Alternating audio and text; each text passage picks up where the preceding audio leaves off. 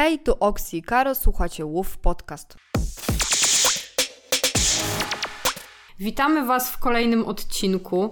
Za nami już 20 odcinków. Nie Normalnie wiemy, nie wierzę. Normalnie nie wiemy, kiedy to się stało.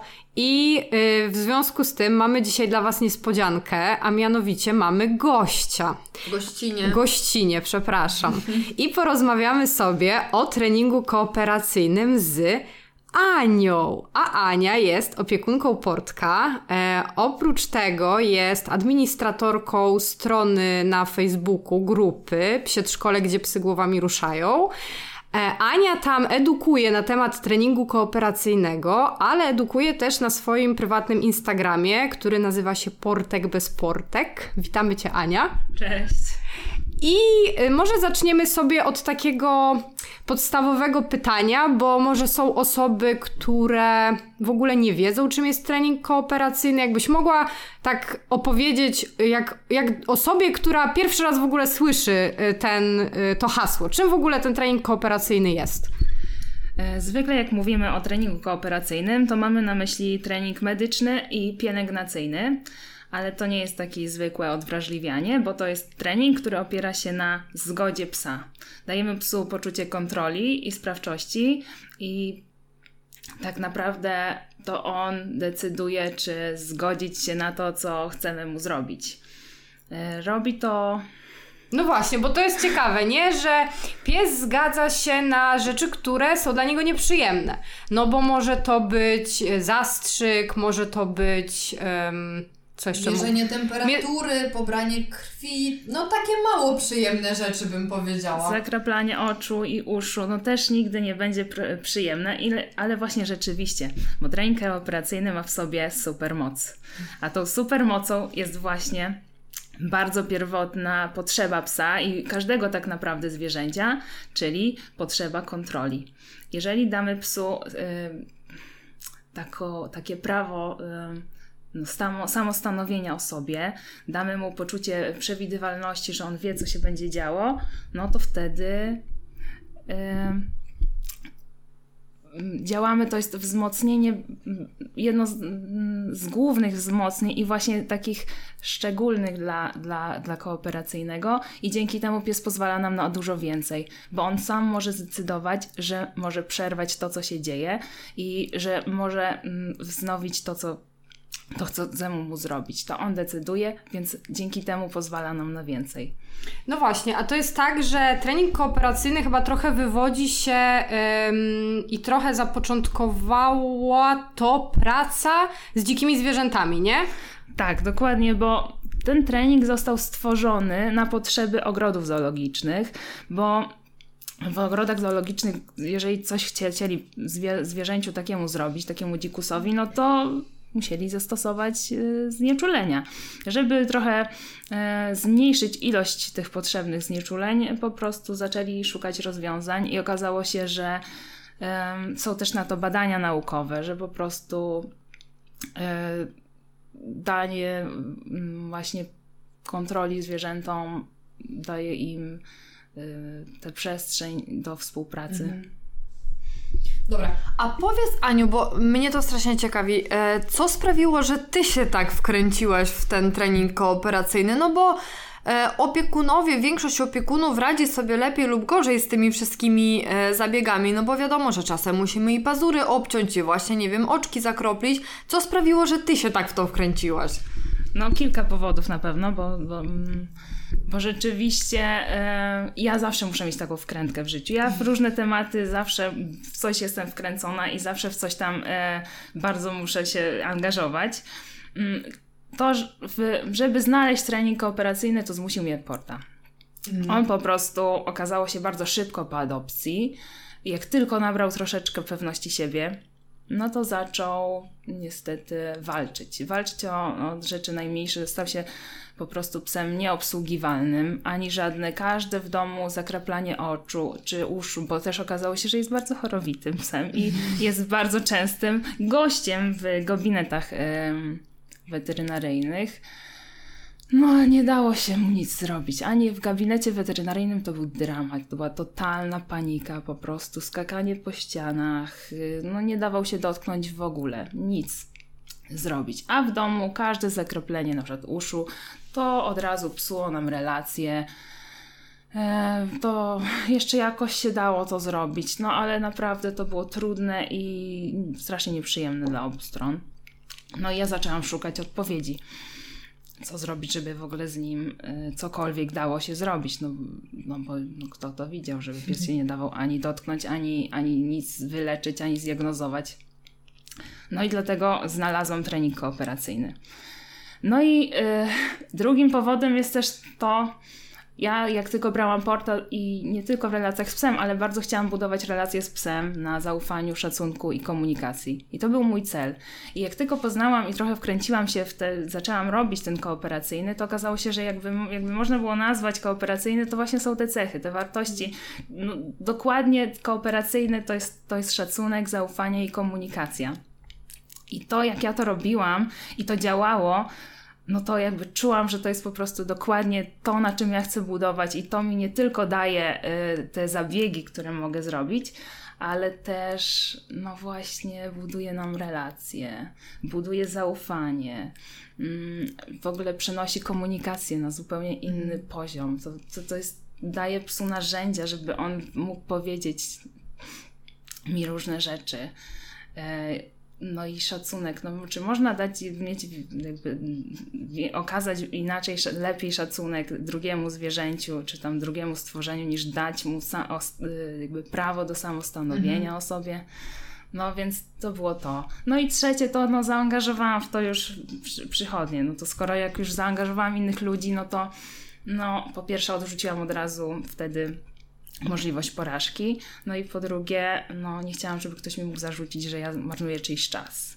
Nie mhm. chciałam, żeby to było takie, mm, mm, że ja po prostu coś tam wymagam od nich, żeby oni się do mnie y, jakoś tam y, dostosowywali, a od siebie nic nie daję, więc te trzy właśnie myślę, że najbardziej y, sprawiły, że ja tak mocno się wkręciłam. No i oczywiście satysfakcjonujące to było bardzo, no bo jak po kilku miesiącach mm, no, żeśmy y, pobrali krew zupełnie bez żadnego przytrzymania, bez żadnego problemu, na całkowitym luzie. No to po prostu mózg wybucha wtedy, naprawdę. Już po kilku miesiącach to się udało? To się udało w grudniu, zaczęliśmy w maju, więc to było 7 miesięcy. Nieźle. Po 7 miesiącach naprawdę intensywnych treningów, ale treningów przychodni, no bo wcześniej kilka miesięcy jeszcze trenowaliśmy w domu różne rzeczy. Musieliśmy zbudować ten koncept kooperacji i w ogóle to, żeby on zrozumiał, co, o co chodzi i nabrał tego zaufania. A później, jak zaczęliśmy w przychodni, no to te 7 miesięcy nam zajęło, żeby tak naprawdę to, no, no, zrobić coś niezwykłego, tak naprawdę te cele, bo, bo moim celem to było mm, podstawowe, podstawowa diagnostyka e, i podstawowe zabiegi, takie, no nic, nic jakiegoś z kosmosu, po prostu wiadomo, badanie kliniczne, zastrzyki, badanie krwi. No i rzeczywiście to badanie krwi było najtrudniejsze i, i udało się po 7 miesiącach to osiągnąć. Super. Ja zawsze jak myślę o treningu kooperacyjnym, to przychodzi mi do głowy taka historia z mojego y, prywatnego ludzkiego życia, jak miałam konieczność wykonania e, rezonansu magnetycznego. E, no i tam się wjeżdża do takiej tuby, jest głośno, osoby, które mają problem z małymi przestrzeniami, myślę, że e, no, byłoby to dla nich bardzo trudne. I generalnie ja jak byłam przygotowywana do tego badania, to dostałam taką do ściskania rzecz do ręki, taką piłeczkę. I pani doktor powiedziała, że jeżeli już nie będę dawała rady z jakiegoś powodu, to mam nacisnąć tą piłeczkę i wtedy oni przerwą badanie. I e, na początku bardzo dobrze to badanie znosiłam. Po jakimś czasie już było mi trudno, już mi zaczęły wjeżdżać na psychikę jakieś takie chore rzeczy, że ta mała przestrzeń, że Boże, a co będzie, jak to się, nie wiem, zawali na mnie, albo już nigdy stąd nie wyjdę. Ale to, że miałam to poczucie, że ja mam cały czas tą piłeczkę w ręku i w każdym momencie mogę to przerwać, dawało mi takie poczucie, że okej, okay, dam radę, wytrzymam to do końca, nie? I to jest takie trochę właśnie przełożenie na ten trening kooperacyjny, prawda? Dokładnie tak. I właśnie my jeszcze mamy, my mamy lepiej, my mamy perspektywę taką, no my to przeżyjemy, bo to jest ważne, wszystko jest pod kontrolą. Też to są rozumiemy, co Dokładnie. się dzieje. No właśnie, my po prostu wiemy, że musimy na przykład przetrwać, albo tę chwilę bólu, albo że to będzie tylko chwila bólu, albo no wiemy, no ktoś nam powie po prostu, słuchaj, no teraz nie wiem, ci, ci zrobię zastrzyk czy coś tam, po prostu my rozumiemy to, to, co słyszymy, możemy się jakoś przygotować na to i psychicznie i po prostu przetrwać chwilę. A zwierzęta nie mają tej perspektywy. One nie wiedzą, widząc pierwszy raz cążki do pazurów, one nie mają zielonego pojęcia, co my chcemy z nim zrobić. Czy my chcemy im uciąć łapę, czy my chcemy tak tylko, nie wiem, dotknąć. One po prostu w ogóle nie mają zielonego pojęcia i my musimy, mamy narzędzie, żeby im to po, po, powiedzieć, żeby ich przygotować do tego i jeżeli mamy narzędzia i one nie muszą się stresować i nie muszą się bać, no to korzystajmy. No właśnie, jakbyś mogła nam powiedzieć e, i nam, i słuchaczom, od czego zacząć, czyli jakie są to te narzędzia, o których właśnie mówisz. E, Na początku no, musimy dać narzędzie komunikacji naszemu psu, czyli narzędzie do tego, e, no pies świetnie umie odmawiać, to sobie powiedzmy, ale jakby narzędzie, żeby on mógł nam powiedzieć, że jest gotowy i mógł się nam zgodzić, więc musimy zacząć od wypracowania z psem sygnałów zgody. Sygnałem zgody to nazywamy zachowanie, którego psa uczymy, tak jak każdej innej rzeczy no tak jak siad i, i, i zostań, czy tam cokolwiek, tak samo uczymy sygnału zgody. Sygnałem może być mm, jeden mój ulubiony, chin rest. Po polsku też często to się nazywa brudka, czyli to jest po prostu położenie brudki czy pyska na, na ręce, czy na powierzchni jakiejś, czy na kolanach, tam gdzie jest y, nam wygodnie. Może być też leżenie na boku, może być y, stanie na jakiejś platformie, target dłoni. No, wszystko, co. Ja, tak, ma być tak, żeby było nam wygodnie i psu, albo lekarzowi, no też z, najlepiej to pogodzić, e, żeby była mm, właśnie e, jak najwygodniejsza pozycja. I te właśnie położenie w chin restie, te położenie głowy na naszej ręce, to jest właśnie zgoda. Więc uczymy od tego y, nauczenia tego zachowania i jak już mamy przedłużone te zachowanie chociaż na kilka sekund, tak wypracowany chin rest na kilka sekund i, mm, i z lekkimi rozproszeniami, to już wtedy możemy zacząć wprowadzać koncept kooperacyjny. Czyli e, na przykład no, w większości zabiegów będzie to e, potrzebny nam dotyk, więc zac- zaczynamy od dotyku. Nawet jak pies nie ma problemu z dotykiem, no to dobrze zacząć od tego dotyku, bo nawet jak jest łatwo, to to, to, to lepiej, jak na początku jest łatwo. E, Więc po, po kolei. Pokazujemy, na, pies jest na naszej na zgodzie, e, pokazujemy rękę, mówimy sygnał nagrody, dajemy nagrodę i przybliżamy coraz bardziej rękę, w zależności co chcemy wypracować. Jeżeli na przykład chcemy na początku, najbardziej nam zależy na zakraplania oczu, no to będziemy przybliżać tą rękę coraz bardziej do oczu.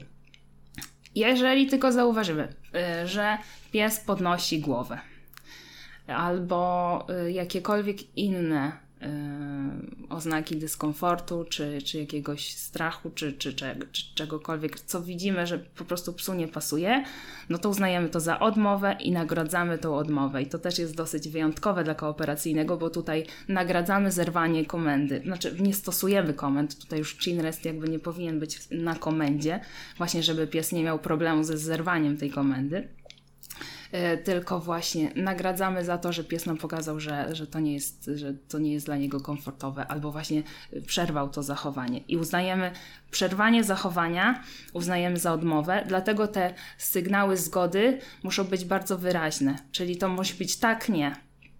Te silne odmowy, czyli na przykład y, y, pyszczek na ręce to jest tak, ale podniesienie pyszczka to już jest y, nie. I, i, I od tego zaczynamy. No i później po prostu dodajemy po kolei bardzo małymi kroczkami, y, wprowadzamy te różne zabiegi, na których nam zależy. A tu jeszcze powiedziałaś ciekawą rzecz, bo powiedziałaś, że na początku y, sygnał zgody wprowadzamy jak każde inne hasło, nie? Tak. Czyli po prostu no, jest to jakaś tam komenda. Mhm. E, czyli załóżmy, że uczymy tego chinresta, czyli brudki, Mhm. e, czyli zachowania takiego, w którym pies kładzie brudkę na naszej dłoni, na przykład, nie? E, no i najpierw uczymy tego zachowania, więc pada hasło brudka, pies kładzie, dostaje jedzonko, brudka, pies kładzie, dostaje Może, jedzonko. a nie trzeba, nie trzeba wprowadzać w ogóle komendy. Okej, bo właśnie chciałam zapytać, czy jeżeli ktoś uczy z tym hasłem, to w momencie, w którym już wchodzi nam kooperacyjny, to po To prostu w wyciszamy, ogóle to tak. hasło nie pada, nie? Czyli Tak, jakby tak. już samo wystawienie dłoni jest dla psa sygnałem, Mhm. że jakby robimy kooperacyjny, więc kładziesz bądź no nie kładziesz, jeśli się nie zgadzasz, brudki, tak? Zresztą pamiętajmy, że w kontekście treningowym to e, nawet nasze ustawienie ciała, ja mówię teraz o nauce każdego zachowania, to jest również jakaś tam e, komenda dla psa. Czyli przykładowo, mm, ja miałam ostatnio jakąś taką sytuację w zwykłej sesji absolutnie treningowej, że przez to, że miałam ręce jakby za sobą, stojąc przed psem, e, pies mi e, zerwał e, hasło. Dlatego, że często się okazało, po prostu zakładam ręce za plecy, jakby stojąc przed psem, em, w momencie, w którym jakby kończę zachowanie i najczęściej w tym samym momencie zawsze u mnie padało zwolnienie, dlatego że w trakcie wypracowania danego hasła ja po prostu potrzebowałam mieć e, ręce przed sobą, żeby wydawać psu smakołyki, a jak kończę dane zachowanie, to już tych smakołyków nie musiałam wydawać, w związku z czym zakładam ręce za siebie i mówię psu zwolnienie. I on tak sobie to zakładanie rąk za mnie skojarzył z tym, że to też jest zwolnienie, bo robiłam to w tym samym momencie, że potem mi się wydarzyła taka sytuacja, że ja jeszcze nie chciałam, bo po prostu jakby chciałam przedłużyć właśnie zachowanie, no nie? I tak sobie założyłam randomowo te ręce za siebie i mi pies zerwał. I ja miałam takie, co? Ale dlaczego? Ale potem zaczęłam sobie oglądać po prostu nagrania z wcześniejszych treningów i patrzę, aha, rzeczywiście, no to faktycznie moja wina, bo to po prostu już sobie też zrobiłam jako hasło. Czyli y, tak naprawdę E, tak samo w Chinreście, no to to, że my wystawiamy psu dłoń, to już jest dla niego pewnego rodzaju hasłem niewerbalnym po prostu. I no tak nie? jak już mówiłyśmy wielokrotnie, dla psów w ogóle dużo bardziej czytelna jest nasza mowa ciała niż to, co mówimy, więc często, y, no tak jak mówi Ania, po prostu nie trzeba w ogóle tego hasła wprowadzać i sam gest już jest sygnałem dla psa. I naszym celem w ogóle jest kooperacyjnym to, że jak pies widzi na przykład narzędzie, które chcemy użyć, czyli na przykład widzi cążki do pazurów, to on już przybiera tą pozycję. I rzeczywiście to z Okej. czasem, z czasem to naprawdę działa. No, A teraz mi się skojarzyło, jak to powiedziałaś, że ja zawsze mam tak, że jak e, biorę, bo my wszystkie zabiegi e, pielęgnacyjne wykonujemy gdzieś. E, Czyli na przykład zęby zawsze myjemy na łóżku w sypialni, pazury puzzlowi zawsze ogarniam na legowisku, w o, takim, to jest takie posłanko nie do takiego nietykalnego odpoczynku, bo do niedykal, nietykalnego odpoczynku to ma inne miejsce, ale właśnie tu już wielokrotnie o tym wspominałam, że to jest takie posłanko, na którym właśnie jak on no, nie śpi, to y, czasem wykorzystujemy go po prostu, że on sobie tam się rozgaszcza i widzi, że o, mam, matka będzie robiła jakieś tam rzeczy, nie? No i też często właśnie tak jak mi teraz to powiedziałaś, to mi się skojarzyło, że u niego często wjeżdża taki schemat, że ja biorę, na przykład szykuję już narzędzia do e, właśnie chociażby pazurów i potem idę do kuchni po e, smaczki dopiero, bo nie chcę też, żeby u niego było tak, że on widzi smaczki i już jest po prostu tymi smaczkami, już świata poza tym nie widzi.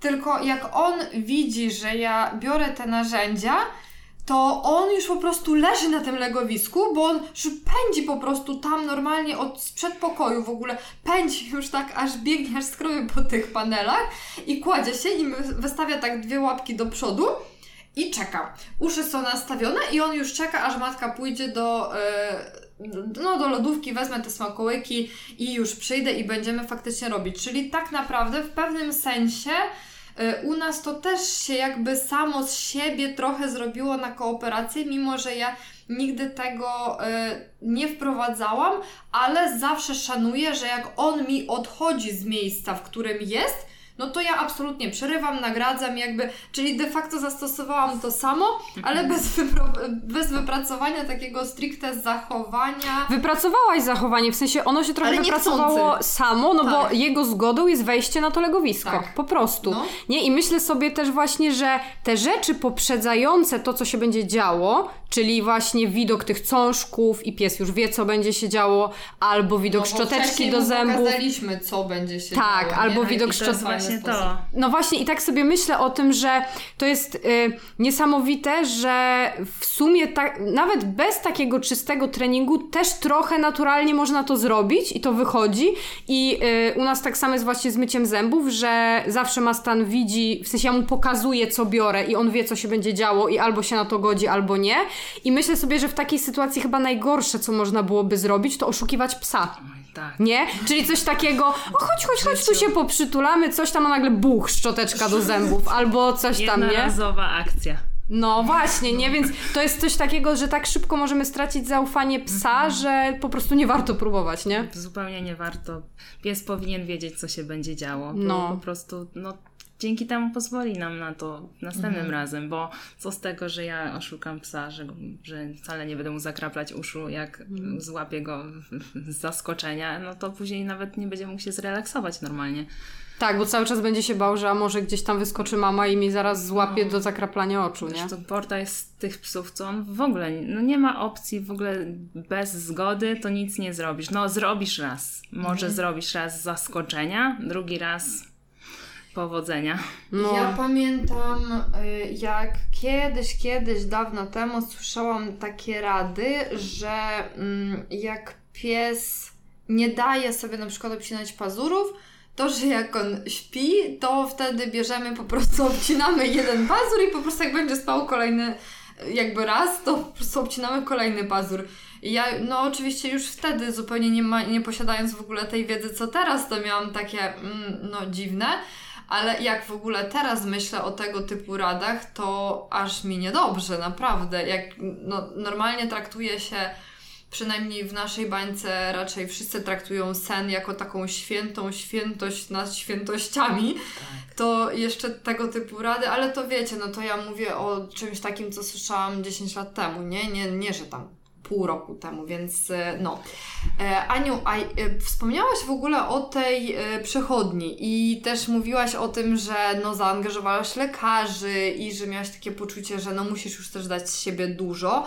To powiedz nam, jak potem te narzędzia, które już sobie wypracujemy w domu i już też w domu e, dodamy te kolejne rozproszenia, czyli te, to samo co w przechodni, mm, jak, jak to potem dalej, jak to przenieść do przechodni? No to nie jest łatwe zadanie. To ja to nazwałam u nas Mount Everest i, i naprawdę to Mount Everest jest.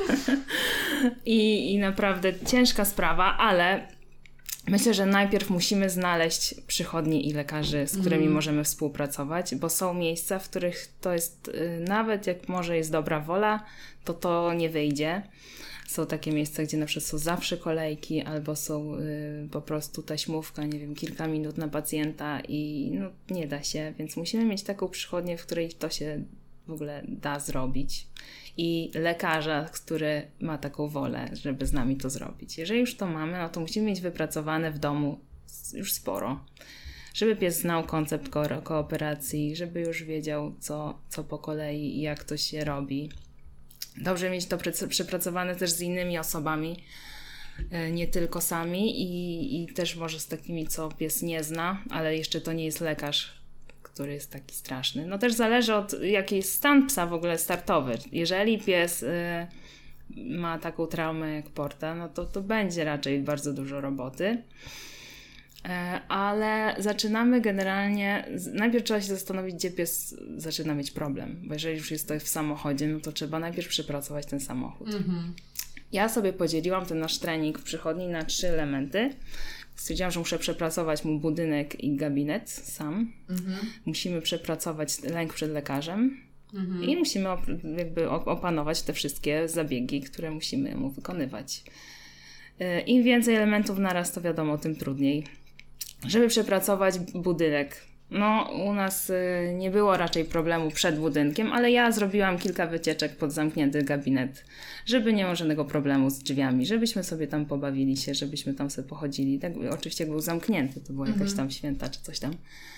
E, no i też wchodziliśmy, ja nie jestem fanką poczekalni generalnie u weterynarza, więc y, raczej chyba z dwa razy tylko ćwiczyliśmy sobie coś tam w poczekalni. A tak to bardzo dużo treningów mieliśmy w pustym gabinecie i tak naprawdę każdy zabieg najpierw przepracowywałam z nim sama w pustym gabinecie, e, żeby to było łatwiej. Czyli w pustym, bez lekarza nawet, Bez tak? lekarza, Mhm. bez nikogo. Byliśmy po prostu zamknięci w pustym, w pustym e, gabinecie i sobie tam robiliśmy różne Mhm. rzeczy. E, przepracowanie lekarza to była najtrudniejsza chyba w ogóle ze wszystkich. Ale jeszcze bez żadnych y, jakichś tam czynności, czyli po prostu samego lekarza jako człowieka, tak? E, Lekarza jako człowieka, ale u nas bardzo szybko okazało się, że u Portka to trzeba patrzeć na psa, bo u Portek wejście w tryb pracy bardzo mu pomagało. Mhm. To, że on wiedział, co on ma robić, gdzie ma być, co będzie się działo po kolei, bardzo mu pomagało. Rzeczywiście zaczynaliśmy od tego, że lekarz był w przybiórku, a my coś robiliśmy sobie o, mm, na podłodze. Później lekarz był obok, my sobie coś tam robiliśmy i później po kolei wprowadzaliśmy po prostu dotyk najpierw lekarza, bardzo, bardzo powoli, ale rzeczywiście to było trudne. Jeszcze utrudnia, utrudniające u nas było to, że on wtedy miał chore oczy. I lekarka po prostu musiała czasem spojrzeć w te oczy. Nie było innego wyjścia. E, mm, ale tutaj tam pomogła nam e, saszetka z jedzeniem mokrym, bo po prostu e, skarmiała, lekarka skarmiała go to, to tym jedzeniem z stópki i to dzięki temu nam bardzo pomogło. I rzeczywiście czasami też skarmiała go jedzeniem, chociaż to było rzadko. Najczęściej właśnie on od razu wchodził w ten tryb pracy kooperacyjnej i to nam bardzo fajnie zbudowało mm, tego lekarza. A samo oswojenie, leka- oswojenie lekarza nam zajęło pod koniec lipca. To był taki przełomowy trening. To ile? Trzy miesiące? Cztery? No to szybko Trzy, cztery, no, trzy, cztery tak miesiące. Od marca, tak? No Od to- maja żeśmy zaczęli A, od maja. do, Mhm, do mhm. przy, przychodni od początku maja. No to maj, czerwiec, lipiec cały. To trzy miesiące to był taki przełomowy trening, gdzie on na dużo więcej pozwolił niż wcześniej. Mhm. Myśmy sobie pomogli tam e, trochę olejkiem CBD. Przez jakiś miesiąc dostawał olejek CBD. I dużo było tych treningów, my tam jeździliśmy raz, dwa razy w tygodniu, no to tak było na bogato. No a przepracowanie tych e, zabiegów, no to ja wszystko w domu najpierw, wszystko z, z innymi osobami poza do, jakby w domu, e, a później dopiero powolutku. Mieliśmy duże jakby opóźnienie, to w domu robiliśmy za pobieranie krwi, a w przychodni jeszcze ze stetoskopem żeśmy się męczyli, bo stetoskop to był, było narzędzie tortur przez bardzo długi czas. No więc tak, ale powolutku, powolutku y, i wszystko y, razem składane go do kupy i rzeczywiście po tych siedmiu miesiącach to było taka, takie zwieńczenie, to pobranie krwi. No właśnie, a powiedz, jak to pobranie krwi ćwiczyć w domu? Jak to, ten moment wbicia igły, jak to w ogóle wystopniować? Jak to psu pokazać najpierw? No, krew jest trudna, tam jest bardzo dużo elementów, które trzeba złożyć, bo trzeba łapę ogolić, trzeba zdezynfekować, trzeba nałożyć stazę, trzeba wbić tę igłę i później jeszcze nałożyć opatrunek. Więc te wszystkie elementy musimy najpierw przećwiczyć oddzielnie. A później po kolei składać. A żeby nauczyć właśnie zastrzyku, czyli tego ukucia, no ja łamama, miałam złamaną igłę, która no nie ma szansy skaleczyć, ale kłuje. I ważne jest też to, że te bolesne rzeczy, czyli te nieprzyjemne, żeby była zachowana dobra proporcja między tym nieprzyjemnym, a, przy, a jakby neutralnym. Czyli jeżeli ćwiczymy ukucie, to najpierw ćwiczymy y, y, uszczypnięcie. Czyli szczypiemy, ściskamy i raz na 10 razy szczypiemy, żeby po prostu pies wiedział, że, że to się może stać. A później tak samo robimy z igłą. Raz na jakiś czas te ukucie dodajemy, trochę mocniejsze, a tak to jak najwięcej. Też zależy od psa, jak on reaguje na to. Po prostu, żeby nie było częściej łatwo, i raz na jakiś czas trochę trudniej. I w ten sposób on po prostu będzie wiedział, że może się spodziewać tego e, ukucia albo uszczypnięcia no, na początku. E, I, I tak to się buduje. Mhm. Czyli po prostu stopniowo i, i powoli. Tak, bardzo stopniowo. I nawet jeżeli już to mamy przepracowane, no to dalej musimy zachować tą dobrą proporcję. Dalej musi być dużo łatwo i tylko troszkę trudno. Mhm. Wow. Przepraszam Was bardzo, ale właśnie upuściłam mikrofon, a chciałam przekazać go Oksi, żeby zadała kolejne pytanie. Nie, nie wiem, czy było warto aż upuścić mikrofon, żebym tylko mogła się odezwać do, do mikrofonu. Także brawa dla Karo, możecie bić. Eee, ja w sumie tylko chciałam zapytać, przejść do kolejnego pytania. E, czy z każdym psem się uda to wypracować? Tak jakbyś patrzyła na Wasze doświadczenie, co brzmi tak jako no, dosyć taka wyboista droga ogólnie i też cała motywacja no jest taka dosyć hardkorowa, tak? Pies, który w ogóle jest nietykalski, e, który walczy w trakcie jakichś zabiegów. No, jak sobie to po prostu wyobrażam, to myślę, że... Trudny przypadek. Dosyć trudny przypadek i udało Wam się to zrobić w e, no, 7 miesięcy w samym gabinecie i kilka miesięcy przed. W sumie z jednej strony niby długo, ale szczerze mówiąc myślałam, że to dłużej zajmuje, no. że jeszcze dłużej, w sensie, nie wiem, dwa lata na przykład, nie? Myślałam, ale w perspektywie życia psa to jakby warto ten nawet rok poświęcić, nie? No tak, tak, tak, no. ale właśnie się zastanawiam, no i nasuwa mi się takie pytanie, czy właśnie z każdym psem się da, jakbyś tak miała powiedzieć? Myślisz, że tak? Myślisz, że są przypadki, z którymi się nie da? Myślę, że nie ma przypadków, z którymi się nie da. Są różne psy, wiadomo, różni ludzie, różne sytuacje, środowiska i okoliczności. Mhm. I wiadomo, że no, z niektóry, niektórym psom będzie trudniej i nie da się wypracować wszystkiego.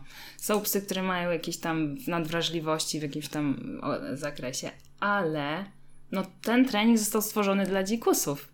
To był trening dla hien, hipopotamów i słoni. I, i skoro hienę możemy nauczyć, że, że e, nie wiem, pozwala sobie sama, bez żadnego przytrzymania na pobranie krwi, czy na jakieś, nie wiem, testy alergiczne. Widziałam u, u, u, testy alergiczne u niedźwiedzia polarnego. No skoro jesteśmy w stanie wypracować to z niedźwiedziem polarnym, czy z hieną, no to tym bardziej z psem, ale też jakby na czym bazuje ten kooperacyjny, skoro kooperacyjnym da, dajemy psu powiedzieć nie, czyli słuchamy jego komunikatów i to dosyć subtelnych, Dajemy mu wybór, y, on się nie stresuje podczas tego treningu, y, budujemy zaufanie. To nawet jeżeli nie uda nam się, nie wiem, właśnie jakichś takich super osiągnięć y, typu, nie wiem, jakiś pies ma jakąś traumę z pazurami i nie uda nam się akurat pazurów, ale uda nam się 100 innych rzeczy zrobić, mm. no to to i tak. I jeszcze zbudujemy sobie zaufanie, zbudujemy sobie mm. komunikację z tym, damy mu narzędzia do tej komunikacji,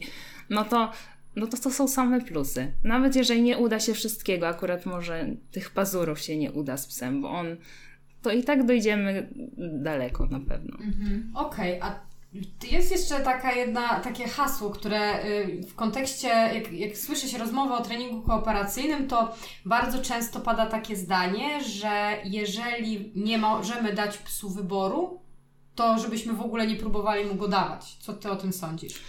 Ach, no tak. Jak nie chcesz usłyszeć nie, to nie pytaj, nie? No tak, tak. No właśnie, ja nie lubię tego, ja nie lubię tego zdania. Ja, ja się z nim zgadzam, znaczy po, poniekąd no, można się z nim zgodzić, no bo, no bo jednak pies nie zawsze no, może się zgodzić na wszystko. A czasami po prostu coś trzeba Coś zrobić, trzeba zrobić. Ze względu na zdrowie i życie, nie? No tak, no właśnie są sytuacje, to nie jest takie proste, to jest jednak trening medyczny, a w medycznych jednak kwestiach nie zawsze możemy dać psu czy czas, czy, czy jakiś e, przestrzeń do powiedzenia nie, ale ja, ja, ja mówię, no dlaczego nie pytać? No bo jeżeli po co mamy trenować z, z, pobieranie krwi, skoro nie pytajmy psa o pobieranie krwi, e, bo i tak nie może odmówić, albo zastrzyków. No zastrzyki są zawsze prawie, no profilaktyczne zastrzyki ile jest? Dwa, dwa w roku, no, a jest dużo sytuacji, które niestety, no pies musi ten zastrzyk dostać, no ale jeżeli musi, no a my nie będziemy go tylko pytać, no to po co też, po to co w ogóle yy, trenować? No to ja mówię, no nie, no pytajmy psa zawsze o zgodę. Okay, ale, no, no, no, no. Ale, ale jeżeli się nie zgodzi, to zróbmy wszystko, żeby jednak mu pomóc i żeby się zgodził. A mamy, jakby są sposoby, żeby to zrobić. Yy, po prostu ja sobie nie wyobrażam, żeby robić na siłę tylko dlatego, że, mm, że nie chcę usłyszeć nie. Bo, a może usłyszę tak akurat i się teraz uda. A jeżeli wiem, że się nie zgodzi, no to są, są rozwiązania, żeby y, jednak się zgodził. Okej, okay, a jeżeli jest taka sytuacja, że na przykład ktoś jest dopiero na początku swojej drogi z treningiem kooperacyjnym, albo dopiero myśli o tym, żeby zacząć, a pojawia się jakaś, wiesz, taka naprawdę nagła sytuacja, przecięcie opuszki i po prostu my jeszcze nie mamy wypracowanych narzędzi, to jakie byś poleciła takie sposoby, żeby jednak zminimalizować ten stres, żeby jednak zrobić wszystko tak, żeby nic nie trzeba było robić siłowo? No zależy, yy, co się dzieje, ale jeżeli rzeczywiście to jest coś, co pies bez stresu nie przeży- no jakby nie da się uniknąć całkowicie stresu, no to trzeba iść, yy, myślę, że w farmakologię. Mhm. I Czyli po prostu leki takie Leki uspokajające, uspokajające yy, przeciwlękowe, żeby jak najbardziej go zabezpieczyć. Jeżeli nie wystarczą takie leki przed, podane przed, albo to się y, nagle dzieje, no to lekarze mają też rozwiązania, żeby to zrobić y, przez zastrzyk i czy, czy nawet ta sedacja. Już sedacja jest lepsza niż trzymanie w trzy osoby psa mm-hmm. y, i pies nie wiadomo, co tam przeżywa w tej swojej głowie, mm-hmm. biedny. No tak. Czyli jakby generalnie no są na pewno takie sposoby, które. Poza tym też ja myślę, że każdy zna swojego psa.